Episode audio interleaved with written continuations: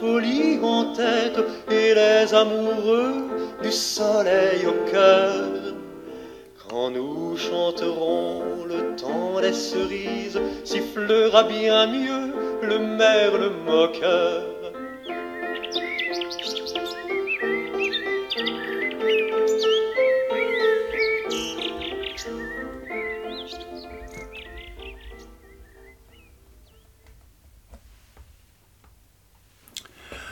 Og verda er alltid så glemsom, men gjennom alt strev og slit, vi får da vel hukse på dem som med ballong fra Paris kom hit.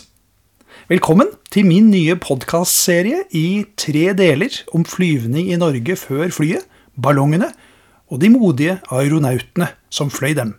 Jeg heter Carl Kleve, og velkommen hit. 25. november 2020 er det akkurat 150 år siden den aller første bemannede luftferd i Norge. Da aeronautene Paul Rollier og Leonard Bessier ankom Norge i ballongen La Ville de Orléans, Orléans by, etter en 15 timer lang ferd helt fra Paris. Denne første episoden i min nye podkastserie skal handle om denne pionerferden, som egentlig var et skikkelig arbeidsuhell. De to aeronautene hoppet ut og falt ut i Lifjell-traktene mellom Seljord og Bø i Telemark, mens ballongen endte sin ferd i Krødsherad. Året var 1870, og Frankrike holdt på å tape krigen mot Prøysen. Keiser Napoleon 3. hadde abdisert og erkjent nederlag, men i det beleirede Paris hadde ikke innbyggerne tenkt å gi opp, til tross for at de var omringet av prøyssiske kanoner, erklærte byen for republikk i sosialismens ånd. En stat bygget på frihet, likhet og brorskap. Men situasjonen var vanskelig, meget vanskelig. Ingenting slapp gjennom de prøyssiske sperringene. Pariserne ble redusert til å spise rotter og mus. Det eneste sted prøysserne ikke hadde sperret, var luften. Musikken dere hørte i starten, var kirsebærtiden, Le Temps de Cerise, en sang fra 1866 som ble stående som symbolet på pariserkommunen som varte fra mars til mai 1871, siste akt i den fransk-tyske krigen. Og det lille diktet jeg åpnet med, det var første vers i En ny vise om ballonen som steg opp fra Paris og falt ned i Norge, av Albert Sinding Larsen. Visa ble trykket opp og solgt på gatene i Kristiania i årene like etter ballongferden, og inntektene sendt til de franske ofrene i den fransk-tyske krigen. Et av mange tiltak for å samle inn penger til Frankrike. Til og med i min lille hjembygd Lårdal, noen mil vest for Seljord, ble det arrangert basar til inntekt for Frankrike, etter at ballongen hadde bidratt til å sette ordentlig fokus på landets problemer mot den tyske eller prøyssiske overmakt. Det var ingen tvil om hvor nordmennene sto i denne europeiske stormaktskonflikten. Tyskland, eller rettere sagt Prøysen, var helt klart the bad guy. I 1864 invaderte landet Danmark. Panskandinavismen sto sterkt mange steder i Norge, og selv om Norge da i union med Sverige aldri ga Danmark noen formell hjelp, var sympatien med Danmark sterk, og Prøysen ble hatet. Så selv om Rollier og Bessier ikke hadde planlagt å fly til Norge, kom de til et veldig vennligsinnet land. Visen er nå trykket i en splitter ny bok av Halvor Kleppen, med fortid som programleder i NRK, boken 'Dei kom i lufti'. Da ballongen ankom Norge 25.11.1870, kom den som sagt til et veldig pro-fransk land, eller et veldig antitysk. Blant de som fulgte med og interesserte seg for internasjonale saker, var Prøysen representanten for mye av det som var galt i verden. Hadde vært det siden overfallet på Danmark seks år tidligere. Krigen mot Østerrike i 1866 bekreftet inntrykket av Prøysen som en militaristisk krigshisser.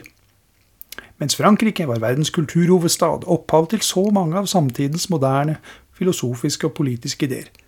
Parisernes heltemodige motstand mot prøysernes beleiring gjorde at da det brått ankom en ballong derfra, ble det en helt eksepsjonell hendelse.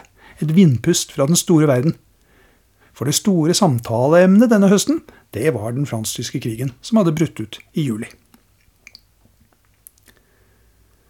Vi er altså i 1870.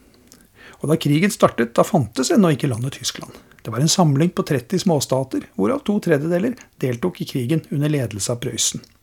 Men da krigen var over, var Tyskland samlet til ett nytt keiserrike. Det vil føre for langt her å si eh, så veldig mye om krigen, men for de som husker sin skolehistorie, så var dette siste steget i jernkansleren Bismarcks tretrinnsplan for tysk samling under prøyssisk ledelse. Den 2. september sto det store slaget ved Sedan. Den franske keiser Napoleon 3. ble tatt til fange og abdiserte tronen. Men istedenfor å overgi seg, erklærte franskmennene på samme dag den nye, eller tredje republikk i Paris sitt rådhus Hotell de Ville og prøysserne marsjerte da mot Paris. 19.9. så er Paris omringet, og beleiringen begynner. Og Frankrikes nye president, guvernør og Paris-kommandant, general Louis Trocu, han samler en styrke på litt over en halv million mann til å forsvare byen. 350 000 var utrenede nasjonalgarde-militssoldater, men de hadde 2500 kanoner og 8000 tonn ammunisjon, og forsvarsmurer og 16 festninger bygget på 1840-tallet i en ring rundt byen. Så det å storme byen det ville være vanskelig for prøysserne. Kansler Bismarck han foreslo å bombardere byen, til å overgi seg. Men kong Wilhelm, som personlig ledet beleiringen, og hærledelsen, de sa nei. Bombardering det ville ramme sivile uforholdsmessig hardt og være ødeleggende PR, uten egentlig å føre sluttseieren i krigen noe særlig nærmere. Så beleiringen den varte hele høsten og vinteren. Det var masse mindre trefninger rundt i utkanten av byen, når både de beleirede og beleirerne forsøkte å bryte gjennom. Men ingen hadde suksess. Samtidig forsøkte den nye republikken å samle nye hærer lengre sør i Frankrike. Loire-dalen ble hovedsenteret, fra Orléans 11 mil sør for Paris og vestover gjennom Tours og ut i Biscayabukta ved marinesenteret St. Nazair. I Tours der satt republikkens innenriksminister Leon Gambetta og styrte krigsinnsatsen utenfor Paris. Pga. beleiringen var det veldig vanskelig for president Trocu å styre noe særlig, så Gambetta ble i praksis diktator for de ikke-okkuperte delene av Frankrike. Og det er her ballongen kommer inn. For Gambetta var en av de sentrale spillerne da republikken ble erklært i Paris 2.9. Og når beleiringen kom i gang, var han innesperret sammen med resten av de nye lederne for republikken.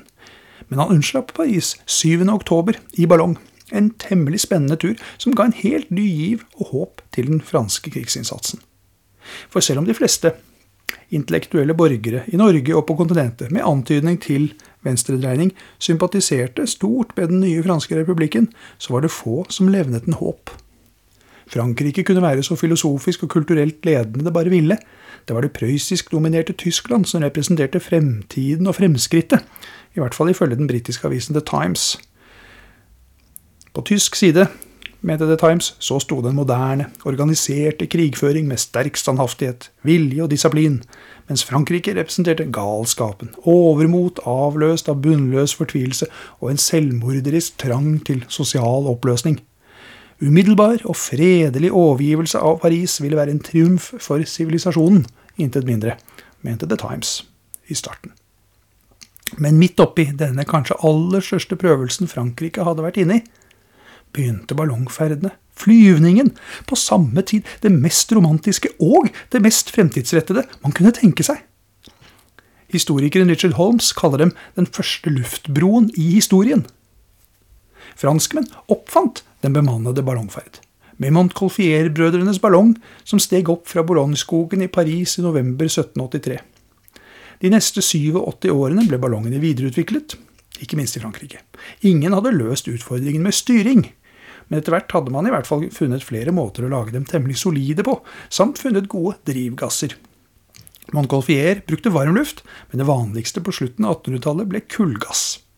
En gass som er lettere enn luft uten å behøve oppvarming, og etter hvert ble lett tilgjengelig i de større byene. Den er et overskuddsprodukt fra produksjonen av koks. Koksen ble brukt til å drive moderne industri, mens kullgassen fyrte moderne gasslamper. Så gassuttak, det fantes overalt. Så umiddelbart etter beleiringen var et faktum, telegraflinje var kuttet og byen hermetisk lukket, trodde tyskerne, ja, så overtalte en gruppe aeronauter, under ledelse av verdens mest berømte aeronaut på den tiden, Felix Nadar, republikkens ledelse om å få sende ballonger ut. Troku og Gambetta og resten var i utgangspunktet lite interessert. Hva kunne en håndfull ballonger utrette, liksom? Men Nadar samlet inn de fire-fem ballongene som fantes i byen, og etablerte første ballongkompani på St. Pierre-plassen på Montmartre. Alle som har sittet på trappene nedenfor Montmartre-kirken, Paris' kanskje aller mest romantiske sted, vet at her er det fantastisk utsikt. Det tok ikke lang tid før regjeringen så verdien i luftruten. Til og med avisen The Times ga seg over og laget en egen beleiringsutgave under overskriften 'Fra ballongen' 28.9. Fem dager etter at den første ballongen hadde unnsluppet Paris med innenriksminister Gambettas brev til Frankrike. Om at Frankrike, om at Paris forberedte en heroisk motstand. Byen kunne holde hele vinteren, skrev Gambetta. La hele Frankrike berede seg på heroisk viljesinnsats. Og etterpå fortsatte ballongene å frakte post ut i titusentalls med Paris luftpost påstemplet. 7. oktober forlot Gambetta Paris i ballong for å bygge opp Frankrikes motstand mot den tyske invasjonen. Og i alt 67 ballonger forlot Paris under beleiringen fra 23.9.1870 og til den siste dro den 28.1.1871.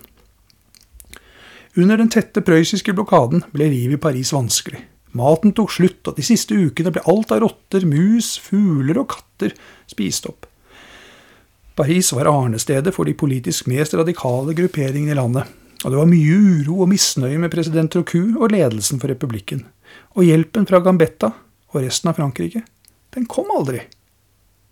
To ganger forsøkte pariserne ordentlige utbruddsforsøk. Første gang 30. november. 1870. Trocu håpet at Gambettas hær i Loire-dalen kunne angripe samtidig. Et slikt koordinert angrep hadde Gambetta selv foreslått. Under presset fra to sider ville de greie å skape en åpning i prøysernes linjer, håpet de to på hver sin side av denne tyske beleiringsmuren. Men for å få dette til måtte Gambetta vite tidspunktet for utbruddsforsøket. Dette sto skrevet i det viktigste brevet som ballong nummer 33 La Ville d'Orléans hadde med seg da det forlot Paris klokken 23.40 den 24. november 1870. Sivilingeniør Paul Rollier og etterretningssoldat Leonard Bessier de ble plukket ut blant Paris' nyutdannede aeronauter til å føre ballongen med det viktige brevet til Gambetta. I tillegg til flere postsekker med hundrevis av andre brev. Ettersom tyskerne alltid skjøt på ballongene, så måtte Rollier og Bessier gå høyt og i tillegg til å forsøke å skjule seg i nattemørket. De kastet ut sandsekker som de hadde med som ballast, og steg raskt opp til 800 meter, og så videre, helt til 2000 meters høyde. Men der oppe var det dessverre umulig å styre retningen. Vinden tok dem og drev dem nordover, i stedet for sørvestover mot Tours, hvor de egentlig skulle. Og så var det først natt, og deretter, da morgenlyset kom, så var det tett skydekke under dem. De kunne ikke oppdages av tyske tropper på bakken, men det var like vanskelig for dem å vite hvor de var. Men neppe Tours. De skjønte nok at de var drevet nordover, og der kunne det jo være tyskere, så de tappet forsiktig ut gass for en kontrollert nedstigning med mulighet for oppstigning igjen dersom de så tyske soldater. Men under skydekket kom sjokket. De var over åpent hav, og de drev nordøstover, stikk motsatt retning av der de skulle. Av og til så, så de skip, og så, da hev de ut slepetau for å komme litt lavere og bremse litt. Men noen kilometer sør for Mandal ja, De visste ikke at de var der da enda, men i hvert fall der så holdt det på å gå galt. Så Da hev de ut en postsekk for å stige litt igjen. Den postsekken ble funnet av et skip som hadde sett det hele. Skipet tok det inn, sendte det til Kristiania, og alle brevene ble levert i løpet av et par uker.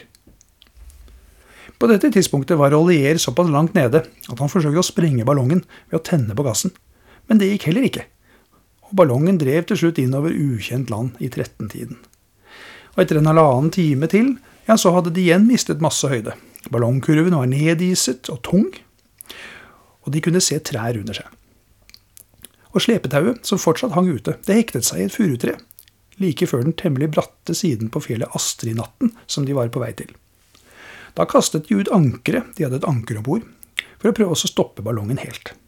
Og det lykkes de i og for seg med da ballongen sank brått og krasjet i bakken.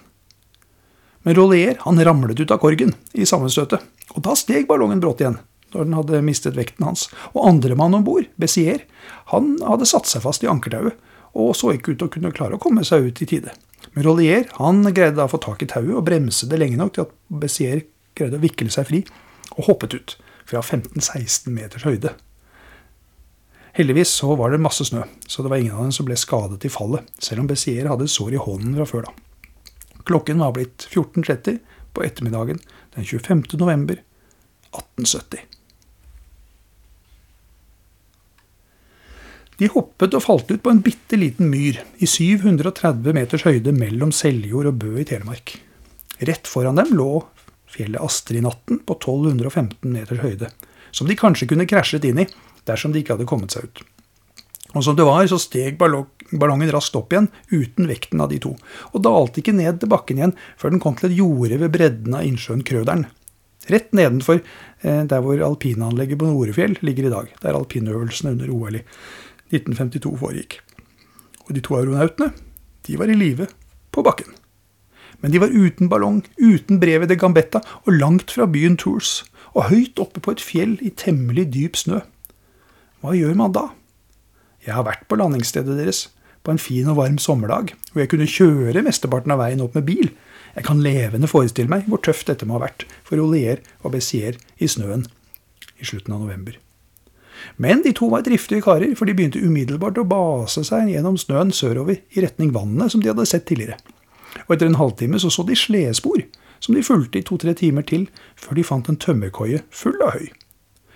Det var på høy tid, for å si det sånn, for de var veldig forfrosne. Det var mørkt, de hadde ingen mat eller drikke, og de hadde allerede sett tre ulver på turen. Men i høyet greide de å få noen timers søvn. Og morgenen etter ble de funnet av de to brødrene Harald og Klas Strand, som bodde på Strandgårdene lenger ned i fjellsiden mot Seljordsvann. Strandbrødrene de snakket ikke fransk, men de greide nå å formidle hvor i all verden aeronautene hadde havnet, og i Seljord fantes det folk som snakket fransk. Meldingen om den fantastiske luftferden gikk inn til Kristiania og den franske legasjonen der, og med hest og slede blir de to aeronautene fraktet inn mot Kristiania. Minus et lite stykke fra Hokksund til Drammen, som går på det splitter nye toget. Og her venter selveste jernbanedirektør Pil på de to herrene, sammen med et folkehav. Det var tett av folk langs hele ruten som ropte hurra og i Drammen ble det festmiddag på Drammen Børs, og i Kristiania, hvor de to ballongfarerne ble værende en ukes tid, gikk de i festligheter til deres og Frankrikes ære omtrent døgnet rundt. Bjørnstjerne Bjørnson og det meste av norsk kulturelite, ja egentlig alle lag av folket, sto klar til å hylle bedriften og ønske lykke til med kampen mot Prøysen.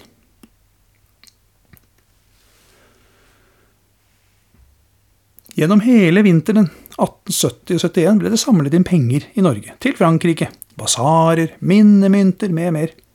Lensmannen i Krødsherad han fikk beskjed fra Kristiania om å sende ballongen til hovedstaden, hvor den ble gitt til universitetet. Og Etter hvert ble kurven gitt videre til Teknisk museum, hvor du kan se den den dag i dag. Selve ballongen havnet sannsynligvis også på universitetet. Både kurv og ballong ble i hvert fall stilt ut på Klingenberg i Kristiania vinteren 1871, til inntekt for ofrene for krigen. Men på et eller annet tidspunkt forsvant selve ballongen, altså silkestoffet. Halvor Kleppen eh, sier at den rett og slett ble utslitt, men han nevner det bare i en bisetning. Og det er ingen andre beretninger som nevner ballongstoffet, så jeg aner dessverre ikke helt hva som skjedde med det.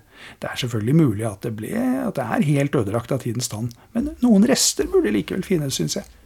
F.eks. så er det bevart en del rester av Andrés ballong fra 1897, som jeg skal snakke om i episode 3 på Svalbard museum. Og silkestoff fra britiske fallskjermer fra 18. verdenskrig som ble sydd om til brudekjoler, har vi her på Luftfartsmuseet i Bodø to gode eksempler på. Og de har holdt seg helt fint 80 år etter, så jeg vil ikke være overrasket om det finnes en og annen kjole eller gardin eller noe annet som ble sydd ut av de 1300 kvadratmeter med silke som utgjorde La Ville de Orléans. Noe av ballongen er for øvrig blitt igjen i Telemark. På Øyfjell bygdemuseum har de et vinanker derfra. Hvordan det har endt opp der, vet ingen. Ja, For det ankeret endte vitterlig sin ferd sammen med resten av ballongen ved Nordfjell i Krødsherad kommune. Tilbake til de to aeronautene, så trivdes Rollier etter sigende så godt med all festivitasen i Norge at han hadde lite lyst til å dra hjem igjen til et krigsherret Frankrike. Men både han og Bessier var soldater og kommandert hjem. Så etter en ukes tid dro de til Storbritannia og derfra videre til Frankrike, hvor de ankom Tours og innenriksminister Gambetta 8. desember. Men her var det lite beundring og fest. Oppdraget deres hadde jo mislyktes. Paris var fortsatt beleiret. Rollier gjorde ikke så mye mer i krigen. Etterpå flyttet han til Normandie, hvor han kjøpte en papirfabrikk. Bessier har en litt mer broget historie. Han forsøkte å dra inn til det beleirede Paris rett etter at han kom tilbake til Frankrike på et etterretningsoppdrag, og for å treffe kone og barn igjen, for de var nemlig i Paris.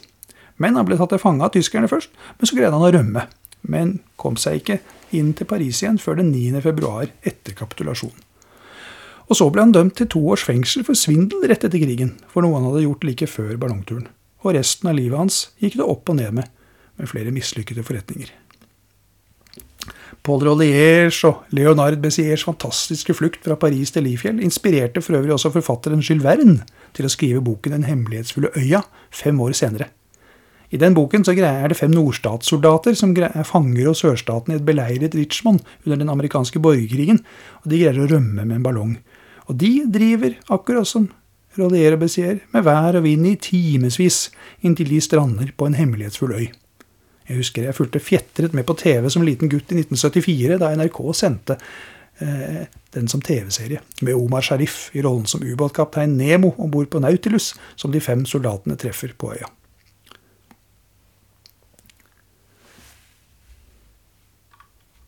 På den tiden så drev ikke NRK med dubbing av TV-serier beregnet for litt større barn, som min far måtte pent sitte og oversette for meg. For jeg hadde ennå ikke lært å lese. Jeg var nok litt yngre enn målgruppen. Men jeg husker serien fremdeles. Rollier han dro tilbake til Norge allerede året etter ballongferden. Sammen med kona og brødrene Strand gikk de til landingsstedet. Rollier og Strand-familien de holdt kontakten i mange år. Allerede under dette første norgesbesøket tenkte Rollier på å få bygget et lite monument på landingsplassen der oppe i fjellet. Men det tok noen år inntil legen Johan Fredrik Hock på nærliggende Lifjell sanatorium tok tak i saken. Nærliggende og nærliggende, da. Det var en drøy dagstur etter kjerreveien som ble laget fra sanatoriet til landingsstedet, sier Halvor Kleppen. Jeg har ikke prøvd å gå den turen selv, men den ble markedsført som turistløype allerede i 1904, da ballongfarersteinen ble reist. For øvrig, hvis det skulle være noen som måtte lide under den villfarelse at en ballongtur betyr en stille og rolig og nesten romantisk ferd over naturskjønne landskap, så må jeg nok skuffe dem som tenker slik. Det ble nok sjelden oppfattet som særlig romantisk på 1800-tallet for dem som faktisk fløy.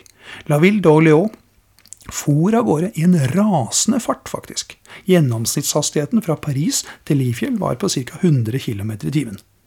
Og de satte faktisk lengderekord for en luftferd. Ufrivillig riktignok, på 130 mil. Og i sterk kulde. Du skal ikke så veldig høyt opp i luften før temperaturen kryper under null. Rolier og Bessier, som var oppe i 2000 meter på det høyeste, ja, de opplevde på det kaldeste 32 kuldegrader. For det er kaldt der oppe. Amazon Prime Video de lanserte en film om ballongflyvning, 1800-talls ballongflyvning eh, i 2019 med Felicity Jones og Eric Redwayne i hovedrollene. En film om en ballongtur over London i 1853 som satte en ekstrem høyderekord på 10 000 meter. Og der kan man se hvor, hva slags utfordring kulda var. For de holdt på å fryse i hjel. Sjekk den ut hvis du kan. Det er en knakende god film.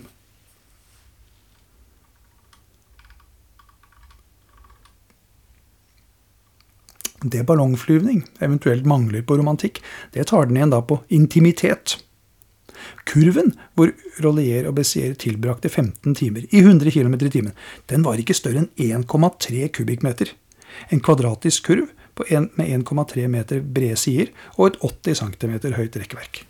Og den plassen den delte de med postsekker, seks brevduer i bur, mat, et vinanker med mer. Ja, det skulle faktisk egentlig vært med to karer til. Intimt, definitivt. Sommeren 2020 dro jeg på en tur opp til stedet, sammen med min bror Lars og datteren min Karoline. Det går en smal skogsvei bratt oppover fra rv. 36, omtrent ved Sanden camping, for de som er litt kjent i området. Veien fører forbi Strandgården, og det var det folket som da fant de to forkomne ballongfarerne en kald og snørik novemberdag. Nå for tiden er det en fin tur om sommeren. Du kjører bilen seks kilometer oppover, ganske bratt. da. Det er skiltet til ballongfarersteinen, og høyt der oppe er det en liten parkeringsplass. Og så går man de siste 20 minuttene. gjennom et uh, flott og typisk Telemarks fjellterreng. Og temmelig brått så kommer man til minnesmerket Ballongfarersteinen, som altså ble satt opp allerede i 1904. Pengene kom gjennom private givere, bl.a. Pål Rollier selv. Rett bak steinen er den lille myra. Knapt større enn ballongen. For det var en stor ballong. 22 meter i diameter horisontalt, 18 meter høy. 1300 kubikk. 1800-tallsballongene var større enn du tror. Den aller største som er kjent, det var Le Géant, giganten, fra 1863. Tilhørende den franske aeronauten Felix Nadar. Den ballongen var hele 40 meter høy. 2000 kubikk, høy som en tietasjes blokk. Men hvordan gikk det så med krigen, etter at uh, Rolier og Bessier mislyktes i å komme til Tours med det viktige brevet til Gambetta? Jo, til slutt så måtte dessverre franskmennene gi opp. I januar 1871 da begynte prøysserne å få problemer med forsyningslinjene til troppene sine rundt Paris. Soldatene fikk for lite mat og tuberkulose, og andre sykdommer begynte å herje. Sånn er det nå med en beleiring. Det er et kappløp mellom hvem som får problemer først, de beleirede eller beleirerne. Så kansler Bismarck han foreslo nok en gang å bombardere Paris for å knekke parisernes moral, og nå var kong Wilhelm enig. Så i januar begynte voldsomme bombeangrep som la store deler av byen i ruiner. Paris forsøkte nok et utbruddsforsøk som, som ble mislykket. Trocu måtte også slå ned et indre opprør, og helt til slutten av januar begynte republikkens ledelse å forhandle fred med prøysserne. Og den ble inngått 27. januar. Ni dager tidligere hadde kong Wilhelm blitt utropt til keiser Wilhelm 1. av et samlet Tyskland. Kroningen skjedde i det tyskokkuperte Versailles-slottet. Det var et siste etterspill av denne krigen som har blitt legendarisk etterpå.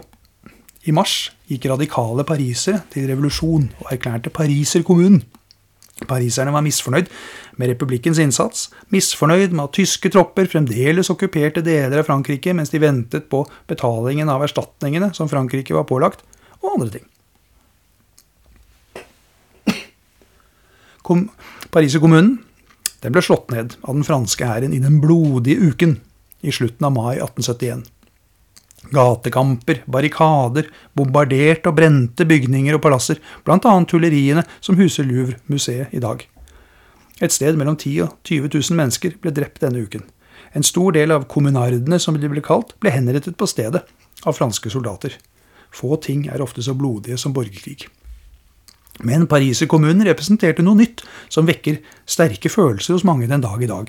Karl Marx og Lenin senere kalte den for verdens første eksempel på proletariatets diktatur.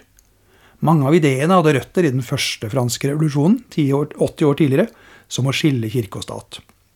Men mange var nye eller radikale videreutviklinger som skulle styrke arbeiderrettigheter, kvinners rettigheter, få bort barnearbeid og gi arbeiderne mer makt over arbeidsplassen. Masse ideer som inspirerte arbeiderbevegelser over hele verden i mange år fremover.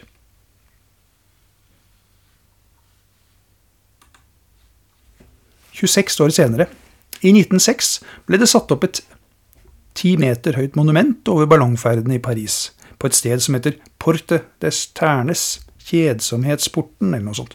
Monumentet var laget av samme mann som også laget Statue of Liberty i New York, Fredrik Bartholdi, og hadde en ballong øverst omkranset av mennesker og brevduer. Ballongene i seg selv var jo bare halve historien. Pariserne kunne kommunisere ut av byen ved å sende ut ballongfarere, men å fly ballong tilbake inn til byen gikk ikke. Risikoen var altfor stor for å lande hos tyskerne istedenfor. Så der kom brevduene inn. De tok beskjedene tilbake. Rollier og Bessier hadde med seg seks duer om bord i La Ville d'Orléans, og de ble med helt til Krødsherad. I dag fins det dessverre bare bilder igjen av det overdådige ti meter høye ballongmonumentet, som altså lå litt nordvest for Triumfbuen. Tyskerne rev det ned og smeltet om i 1941, da de okkuperte Frankrike på nytt under andre verdenskrig. Monumenter som feiret heroiske franske bedrifter i en krig mot Tyskland, kunne tyskerne dessverre ikke la stå, til tross for at de faktisk vant den krigen. Her må jeg da forresten få nevne et jubileum til. For La Ville d'Orléans luftferd til Norge 25.11.1870 representerer ikke bare 150-årsjubileet for luftferdere i Norge. Det er også 150-årsjubileet for luftpost. Brevet til Gambetta var det aller viktigste, men aeronautene hadde faktisk tusenvis av andre brev med seg også, i to, eh, eller var det enda flere faktisk, postsekker. Det virker som om alle skriveføre parisere benyttet sjansen til å skrive brev til slekt og venner, og ballongene tok dem velvillig med seg. Begge, eller i hvert fall den ene av sekkene ble først eh, dumpet i havet rett utenfor Mandal, der Olier Bessier var redd for å lande i sjøen, ble berget av et skip som lå like i nærheten, sendt til hovedpostkontoret i Kristiania, og derfra faktisk levert. Gambetta han fikk sitt brev for sent, så det ble ikke noe forsøk på å bryte de prøyssiske linjene utenfra, og utenbruddsforsøket innenfra mislyktes derfor, som jeg tidligere har nevnt. Men for alle de andre mottakerne, som neppe hadde ventet brev fra sine beleirede venner så raskt uansett, ja, så merket de neppe noen forskjell i leveringstid. For brevene ble stort sett faktisk levert i løpet av et par uker etter ankomst Kristiania 27.11. En drøyt en tre ukers total leveringstid, altså. En fjær i hatten for norsk og fransk postvesen, må man si. Raskere enn internasjonal post ofte er i dag, faktisk, til tross for den noe utradisjonelle første etappen. Postmuseet de laget en utstilling om Luftpostens historie i 1998, og da var La Ville d'Orléans hedersgjest. Hvis du søker på luftpost eller ballong på de norske museenes fotoarkiv-hjemmeside digitaltmuseum.no, da kan du finne flere gode bilder av ballongkurven som viser hvor trangt det må ha vært på ferden. Men mon tro hva om noe som hadde blitt annerledes om La Ville d'Orléans hadde kommet frem til Tours med brevet til Gambetta som det skulle istedenfor å havne i Norge. Til slutt så vil jeg få si litt om kildene til denne historien. For Min viktigste kilde det har vært en bok, Halvor Kleppens bok, eh, som het 'Ballongen 1870 dei kom i lufti', som kom ut for bare noen få måneder siden, tidligere i 2020, i anledning 150-årsjubileet. Halvor Kleppen, med en fortid som bl.a. programleder i NRK, har skrevet en bok som nok vil bli stående som hovedverket om den første luftferden til Norge. Men det har vært skrevet flere bøker om denne luftferden. I 1958 så publiserte Einar Østvedt den første norske studien av luftferden. Kleppen bruker den boken mye, og det har jeg også gjort. Eh, I tillegg så har både Teknisk museum eh, og Nasjonalbiblioteket publisert artikler om ferden, hvor spesielt Live Wedler Nilsens artikkel er interessant, for hun bruker mye samtidig norske aviser som kilder. Og veldig mange av disse avisene kan du også lese på nett i dag, på Nasjonalbibliotekets nettsider. Det finnes også et par korte artikler på nettsiden historie.no om ballongens ankomst i Krødsherad. Eh, en god kilde til 1800-tallets ballongflyvning generelt, inkludert de 67 luftferdene fra det beleirede Paris, det er den britiske historikeren Richard Holmes sin bok 'Falling Upwards How We Took to the Air'. Å falle oppover er ikke så dum beskrivelse av ballongflyvning, faktisk. Og så var det en amerikaner, Ernst Kohn, som skrev bok om luftferden i 1978. Den har ikke jeg lest, men Kleppen lener seg mye på den. Og så publiserte den franske arkeologen Emile Cartalac beklager uttalen, en bok om luftferden basert på samtaler med og brev fra Rollier allerede to år etter ferden i 1872. Ja, egentlig bare året etter, for boken ble først publisert som føljetong av artikler i tidsskriftet hvor Cartalac var redaktør. I hjembyen Toulouse.